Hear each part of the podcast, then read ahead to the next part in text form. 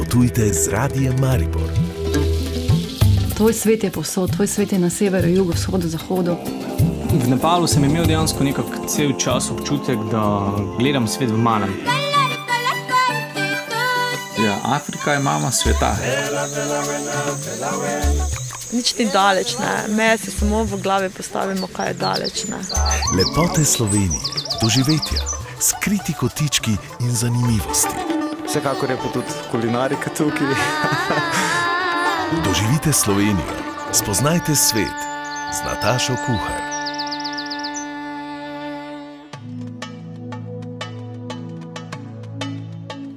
Lepo pozdravljeni in vabljeni k poslušanju turističnih vsebin. Danes bomo podrobneje predstavili vizijo Mariborske občine na tem področju. Zanimalo nas bo vključevanje regionalne razvojne agencije Podravje Maribor v razvoj te panoge. V naši potopisni stalnici pa začenjamo novo zgodbo, odkrivali bomo Malto. Zimski meseci so čas za turistične borze in sejme, da se lahko turistični ponudniki podrobneje predstavijo širši javnosti. Slovenski turizem se je pred dnevi predstavil na Mednarodnem turističnem sejmu v Beogradu. Med srbskimi turisti je največ zanimanja za ponudbo slovenskih zdravilišč in smočišč s poudarkom na neokrnjeni naravi in gastronomiji. Lani je Slovenijo obiskalo okoli 118 tisoč srbskih turistov in ustvarili so skoraj 327 tisoč prenočitev. Poprečno bivanje pa je trajalo 4,3 dneva. Ta torek pa se začenja turistična borza v Berlinu, ena največjih in najpomembnejših mednarodnih turističnih borz. Borzni prostor in spremljevalne prireditve predstavljajo vso ponudbo turistične industrije in se osredotočajo na zadnje trende v turizmu.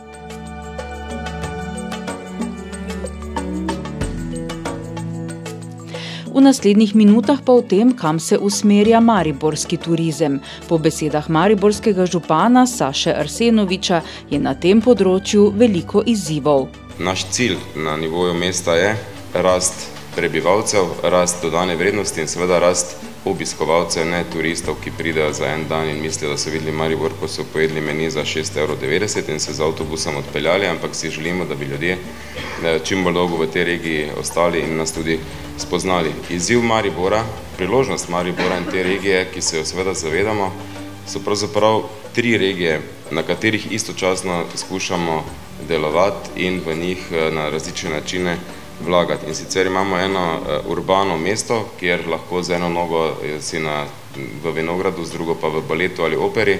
Govorimo o tem urbano-naravnem uh, povezovanju. Se pravi, tisti urbani del, takrat, ko govorimo, ne vem, ko se nam utrne misel, rečemo Amsterdam, Madrid, uh, München, je nekaj, Maribor tega, te emocije še nima, na te še moramo delati, ali pa jo ima za nas, ne pa še za obiskovalce.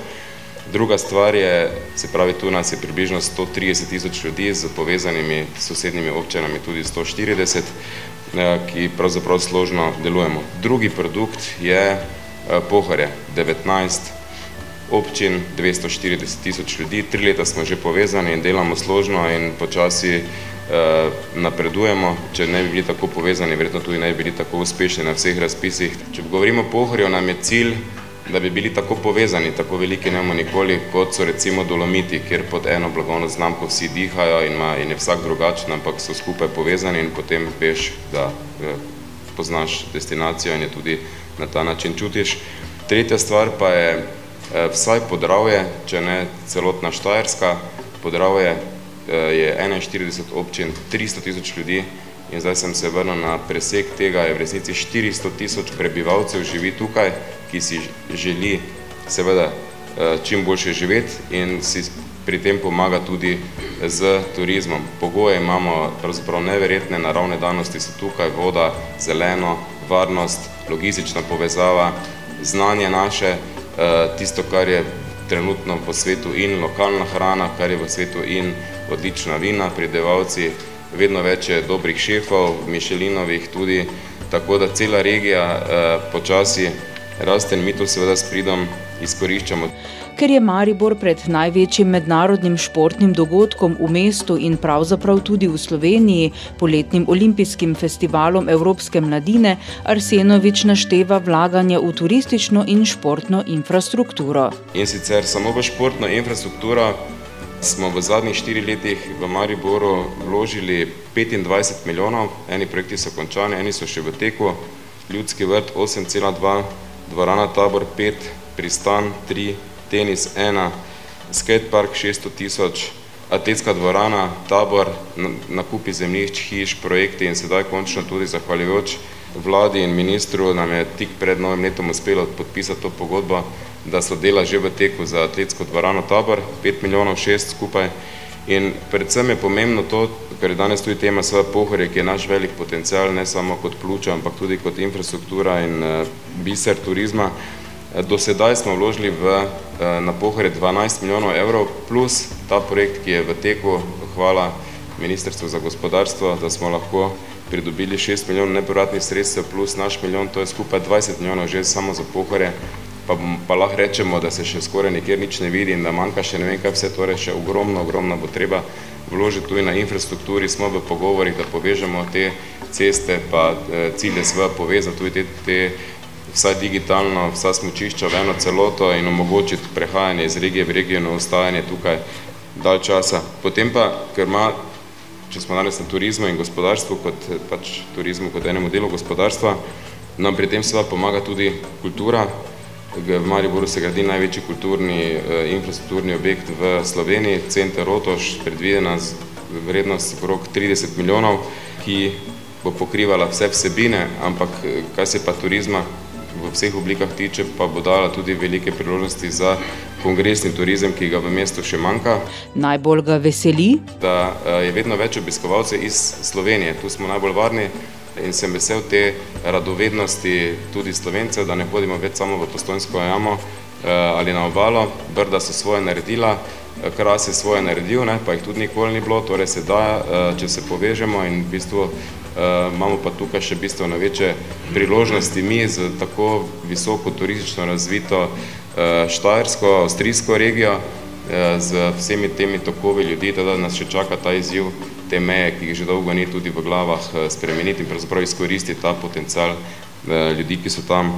Dodajmo, da je turistična ponudba Maribora od tega tedna bogatejša za interaktivno mizo oziroma zemljevid, ki prikazuje bisere Slovenije, to je bisere naravne in kulturne dediščine, turizma in športnih dosežkov. Multimedijska miza je bila del predstavitve Slovenije na svetovni razstavi Expo 2020 v Dubaju, odslej pa bo dopolnjevala zgodbo najstarejše trte na svetu v hiši stare trte in obiskovalcem omogočila na inovativen način spoznati tudi druge prepoznavne kraje in zgodbe naše dežele. Ob Mariboru še Ljubljano, Bled, Postojnsko jamo, Soško dolino in Lipico, pa kolesarjenje, opazovanje medvedov, čebelarstvo, termalne vode, slovensko obalo in naše uspešne športnike. Po kratkem predahu pa bomo slišali, kako se v mariborski turizem vključuje regionalna razvojna agencija Podravje Maribor. Potujte z radijem Maribor.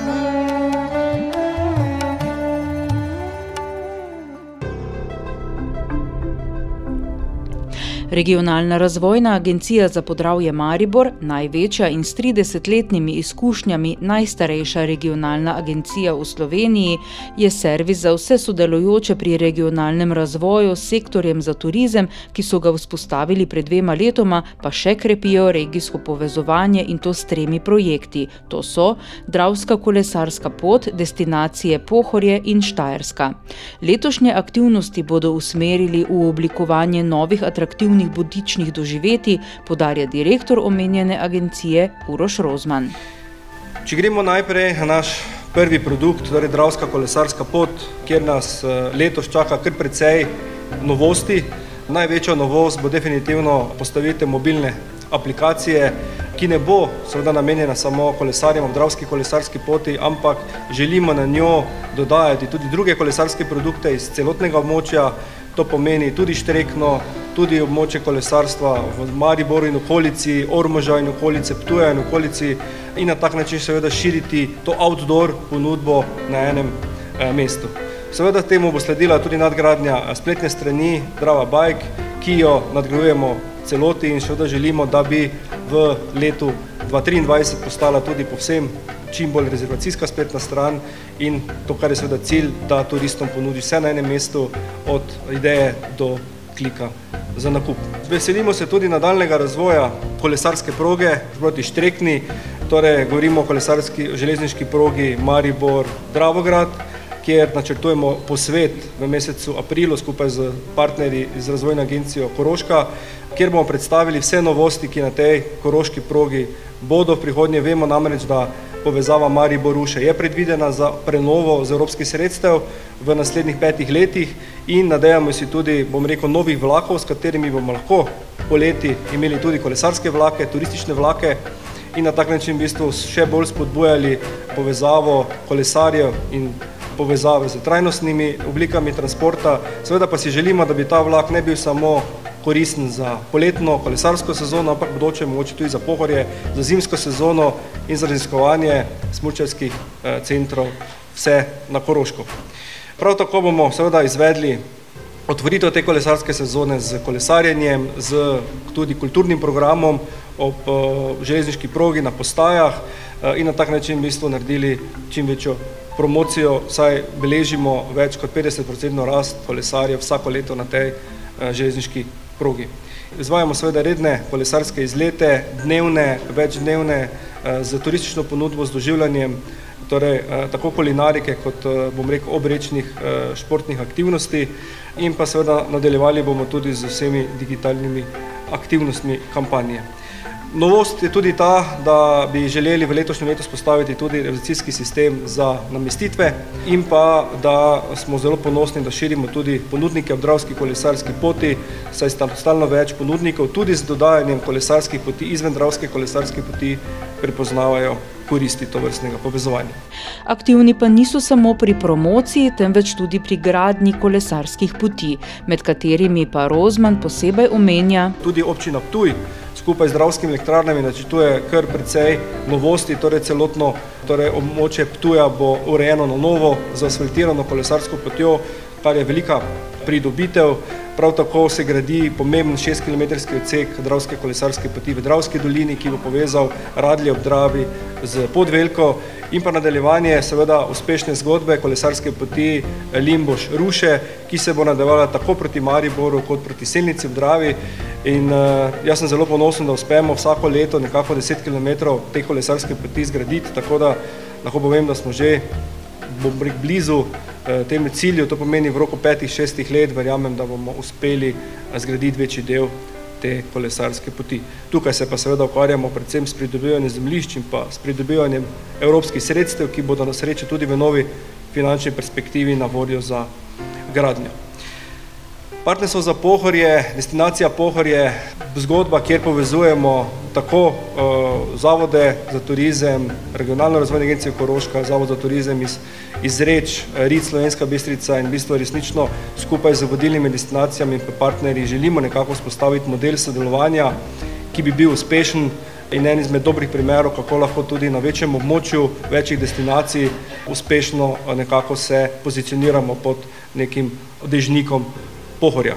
In letošnji cilji? Želimo si, da bi končno oživel torej regijski park Pohorje, ki je že zelo blizu temu cilju, torej zadeva je bolj kot ne pripravljena za obravnave na občinskih svetih in pa seveda potem na državni ravni in ta park ne bo pomemben samo za ščitenje narave, ampak tudi zato, da bomo lahko turistične produkte razvijali mogoče kvalitetneje in da bo Pohorje v območju tudi tujine prepoznano kot neka naravna oaza, ki jo imamo tako blizu. Seveda želimo nadgrajevati tudi kolektivno blagovno znamko Naše najboljše in želimo si, da bi to pozitivno zgodbo, ki jo Maribor gradi, s to blagovno znamko nadgradili tudi potem še ponudnike na Pohorju in seveda kasneje tudi na Štajerskem in tako gradili to družino kolektivne blagovne znamke pod eno streho in verjamem, da le tako bomo lahko najuspešnejši in pa bomo lahko, tako kot je Jure povedal, imeli tudi dobre rezultate pri sami prodaji teh izdelkov.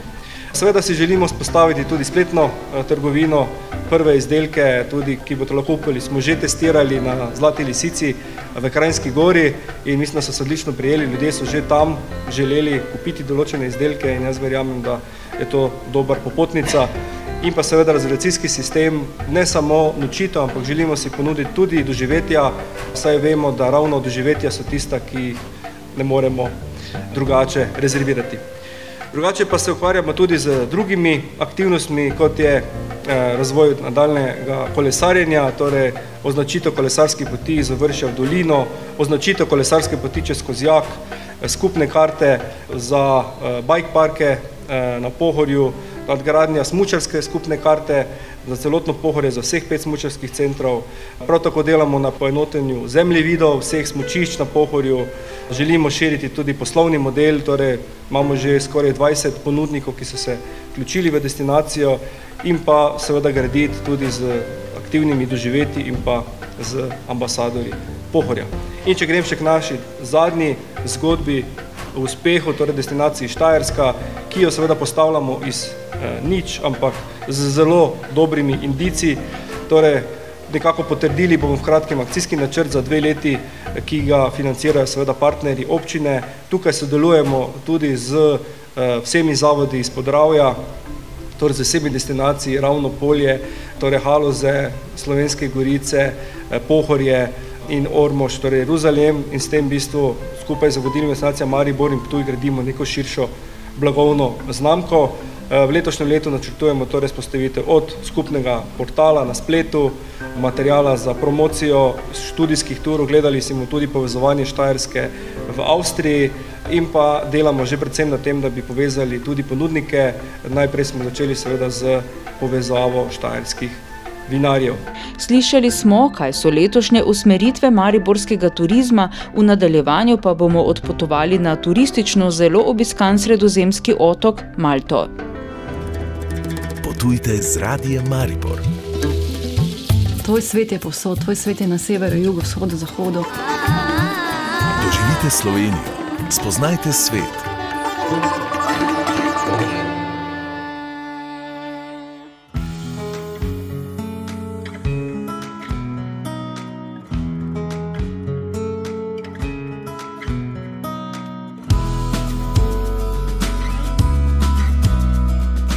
Nekaj naslednjih oddaj bomo odkrivali Malto. Ta otok je bil zaradi ključnega strateškega položaja sredi Sredozemskega morja v vsej svoji zgodovini križišče zelo različnih kultur, saj so mu od neolitika naprej gospodarili drug za drugim Feničani, Rimljani in Arabci, pa Normani, Bizantinci, malteški vitezi Ivanovci, Francozi in Angleži in mu vsi vtisnili svojevrsten pečat. Sledovi različnih osvajalcev se vidijo v malteškem jeziku in kulturi, arhitekturi in glasbi in navsezadnje tudi v hrani. Za našo sogovornico, Mariborčanko Sonjo Gračanič, je Malta pravi mali biser v Sredozemlju. Soprogom sta jo obiskala maja lani, na vprašanje, ali so imeli prav Grki, ki so za otok rekli, da je sladek kot med, ali Feničani, ki so ga primerjali z nebesi, pa odgovarja. Ne vem, če se bom spomnila pravilnega izraza, zato ker je jezik kot tak težko izgovorljiv, težko berljiv, eh, ker je mešanica vseh kultur, ki so se na tem območju mešale skozi zgodovino. Eh, Malteh, mislim, da je. Nebesa, ne, v prevodu. Ja, tako. No, tako. in kaj pravite? Odvisno, z katerega zornega kota gledaš, verjetno tudi tako, kot so poimenovali in Grki, in drugi eh, prebivalci. Prav gotovo je eh, zaradi svoje lege na skrajnem jugu Evrope, blizu Afrike, v Sredozemskem morju, z ugodno klimo, strateško pomemben, prav gotovo predstavlja med oziroma nekaj sladkega za vse. To se vidi tudi sedaj, zato ker je Malta ena izmed pomembnih stopnih točk za begunce, ki nažalost preplavljajo sredozemlje in je tam res velika obremenitev za to. Tako da prav gotovo sladka kot med nebesa, pa tudi verjetno iz enakih razlogov, tako da za vsakega nekaj, vsakega nekaj. Če tako nasplošno rečeva, kakšen vtis je na vaju soprogom pustil ta sredozemski otok? Moram priznati, da uh, sem bila osebno zelo, zelo presenečena.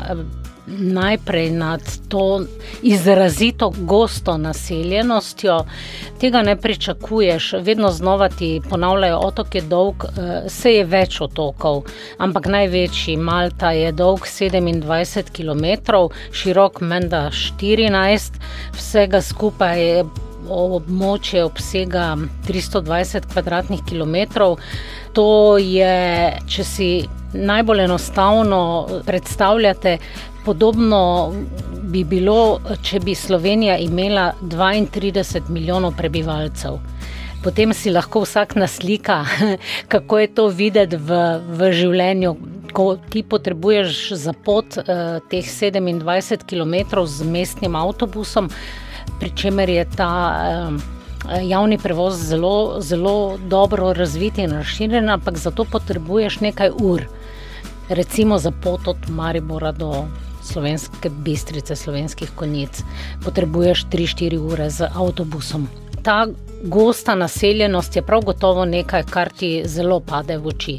Meni osebno, mogoče je to. Uh, pač zaradi mojega poklica, pa uh, tega, kar sem delala, uh, je padlo v oči tudi zelo lepa povezava med eh, sodobno arhitekturo in starimi zgradbami, ki so zelo lepo obnovljene.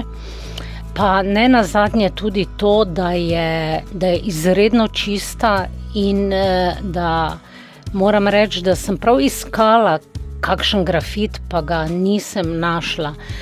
To je nekaj, kar me je res navdušilo. E, to e, spoštovanje, bi temu rekli, okolja, dediščine, zgodovine, kar je pravzaprav nekako. Bi rekla rdeča nit tudi vseh teh dežel, ki so uh, spadale v angliško Združeno kraljestvo oziroma v Commonwealth, opažam podobne, podobne eh, tradicije povsod in podobne, podoben odnos do, do okolja, do skupnih stvari, spoštovanje pravil. In to je nekaj, kar je mene, mene osebno res zelo uh, navdušilo. Ko smo se dogovarjali za ta pogovor, ste mi povedali, da se na potovanja običajno ne pripravljate eh, podrobno. Včasih je to dobro, včasih pa tudi ne. ne? Uh, ja, prav gotovo je ima vsaka stvar svoje prednosti in pomenkljivosti. Eh, že preberem, eh, recimo, razpise turističnih agencij, ki omenjajo nekaj eh, pomembnih točk, ki jih je potrebno obiskati ali pa nujno obiskati, ali pa se pogovarjam s popotniki, ki so že potovali po tem. Ampak Malta je bila nekako že leta nekje zadaj v spominu, da je prijetna, da, je, da so ljudje zelo prijazni. In za teden dni obiska ravno pravšnja. Tako da potem, pa, ko izberem nastanitev, ponavadi iščem kakšno bed and breakfast ali pa Airbnb, eh, nisem pristaš do postovanja v hotelih in to nekje, kjer si v središču dogajanja, eh, zato da se tudi povežeš s lokalnimi prebivalci. In tokrat moram reči, da smo imeli, da smo imeli res zelo srečno roko, pri tem izbrala sva nastanitev pri enem gospodu, Maltežan, delal je 40 let v Nemčiji, zdaj se je preselil nazaj in v svojem stanovanju gosti popotnike. Skrbi za nje zelo dobro, pridete iskat na letališče, pripravi zajtrk. Če ima čas, ker je izredno zaposlen, seveda upokojenec, nikoli nima časa, te pelje, zapelje po otoku. Tako da je dobiš res popolnoma drugačen vtis. O... In potem, uh, ker uh, greva pogledat kakšno galerijo, greva pogledat kakšen uh, muzej, vsekakor tiste najpomembnejše, recimo katedralo in tako naprej. Ampak raje se prepustim razgovoru z naključnimi popotniki ali pa sopotniki pa potem zelo hitro veš, joj, to se pa splača videti, pojdite tja, pa tja, to je pa res pomembno. In tako smo naletela na, v Valeti na plemiško hišo Kazaroka Pikola, ki, v kateri že eh, deveta generacija eh, živi Markizov Pinu plemiška družina Pinu. Eh, in eh, to eh, te opozorijo tudi, da ja, preverite, če bo gospod Markiz vodil ogled po. Po svoji hiši, je, v kateri še družina vedno živi, jo pa tudi delno so spremenili v hotel, pa je v bistvu muzej, ne samo družinski, ampak muzej zgodovine od eh, Malte, države, eh, življenja od, osem, od sredine 18. stoletja naprej. In ob obisku v tej eh, palači, Markis je bil tam. Ja, Markis nas je vodil. Eh, zelo eh, prijeten, vitalen gospod 80 let in uh, v dveh urah seveda ni mogel vsega predstaviti, kar je nakopičeno v njihovi palači.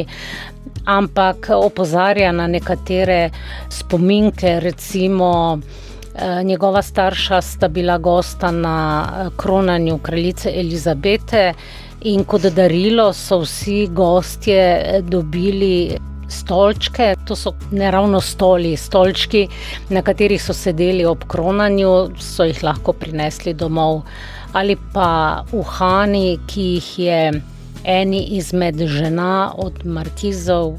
Podaril eden izmed papežev, zato ker je plemiška družina odstopila na otoku Gozo, zemljišče za izgradnjo večje cerkve tam v 19. stoletju, ko se je eno čudežno prikazovanje zgodilo.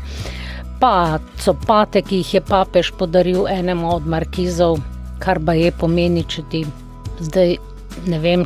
Če sem pravilno razumela, ravno papež ali pa če ti kdorkoli podari copate, to pomeni, da si dobrodošel v njegovi hiši. In potem ena zgodba, ko nas on popelje eh, po svoji hiši v recimo sobi, eh, ki je polna dokumentov in fotografij družine in dogodkov družinskih, pokaže fotografijo, na kateri je eno dekle oblečeno v gonelo. To je eno tradicionalno eh, žensko oblačilo, ogrinjalo s kapuco. Pa se meni zdi, čakaj malo, čakaj malo, kaj ni to. Ja, ja, ja pa, pa potem gospod pove, ja, leta 2015, malo pred, prednje eh, Megan Merkel spoznala in se poročila z princem Harjem, je prišla na Malto raziskovati. Svoje korenine, babica, prav, prav babica je bila namreč rojena na Malti, Med drugim pa je delala tudi kot kuharica na Vindzorski palači. Tako da, kakorkoli eh, Megan in eh, angliški dvor so bili na nek način že povezani, temu včasih rečemo, usoda. Skratka, nista še, se še poznala eh, in tudi gospod ni vedel za njo, eh, dokler seveda to ni postala javna oseba. In To je en izmed eh, recimo, dogodkov, ki jih tako bi človek rekel na takšnem potovanju. Rečeš, to je pa češnja na torti. Ne, ne srečaš ravno vsak dan, ne naletiš na kakšno takšno zgodbo, ki potem sva popestri. Eh, popestri doživljanje nekega eh, potovanja oziroma kraja. Uh mhm. -huh. Je pa seveda Malta bila ne samo zaradi Megan in njene praprababice, ampak eh, tudi kraljica Elizabeta je takoj po poroki s princem Filipom živela na Malti, dokler ni morala uh, zaradi smrti svojega očeta prevzeti vladanja v matični domovini in baje, da je vedno. Uh, rekla, da je to bil najsrečnejši čas njenega življenja in se je na Malto tudi vedno zelo rada vračala. E, ta e, vilo, v kateri sta bivala, je bila sicer last e, prinčeve tete in jo zdaj menda bi naj renovirali, ampak nič kaj drugega, eh, razen tega, seveda, odtisa, ki ga je pač Anglija, vse povsod, kjer je bila po svetu, pustila, ga ni več videti na Malti. Ne? Po Malti bomo potovali tudi prihodnjič, ko se bomo dotaknili njene zgodovine. Do takrat pa vas pozdravljava ustvarjalca današnje udaje Goran Glavičič in Nataša Kuhar. Potujte z radijem Maribor.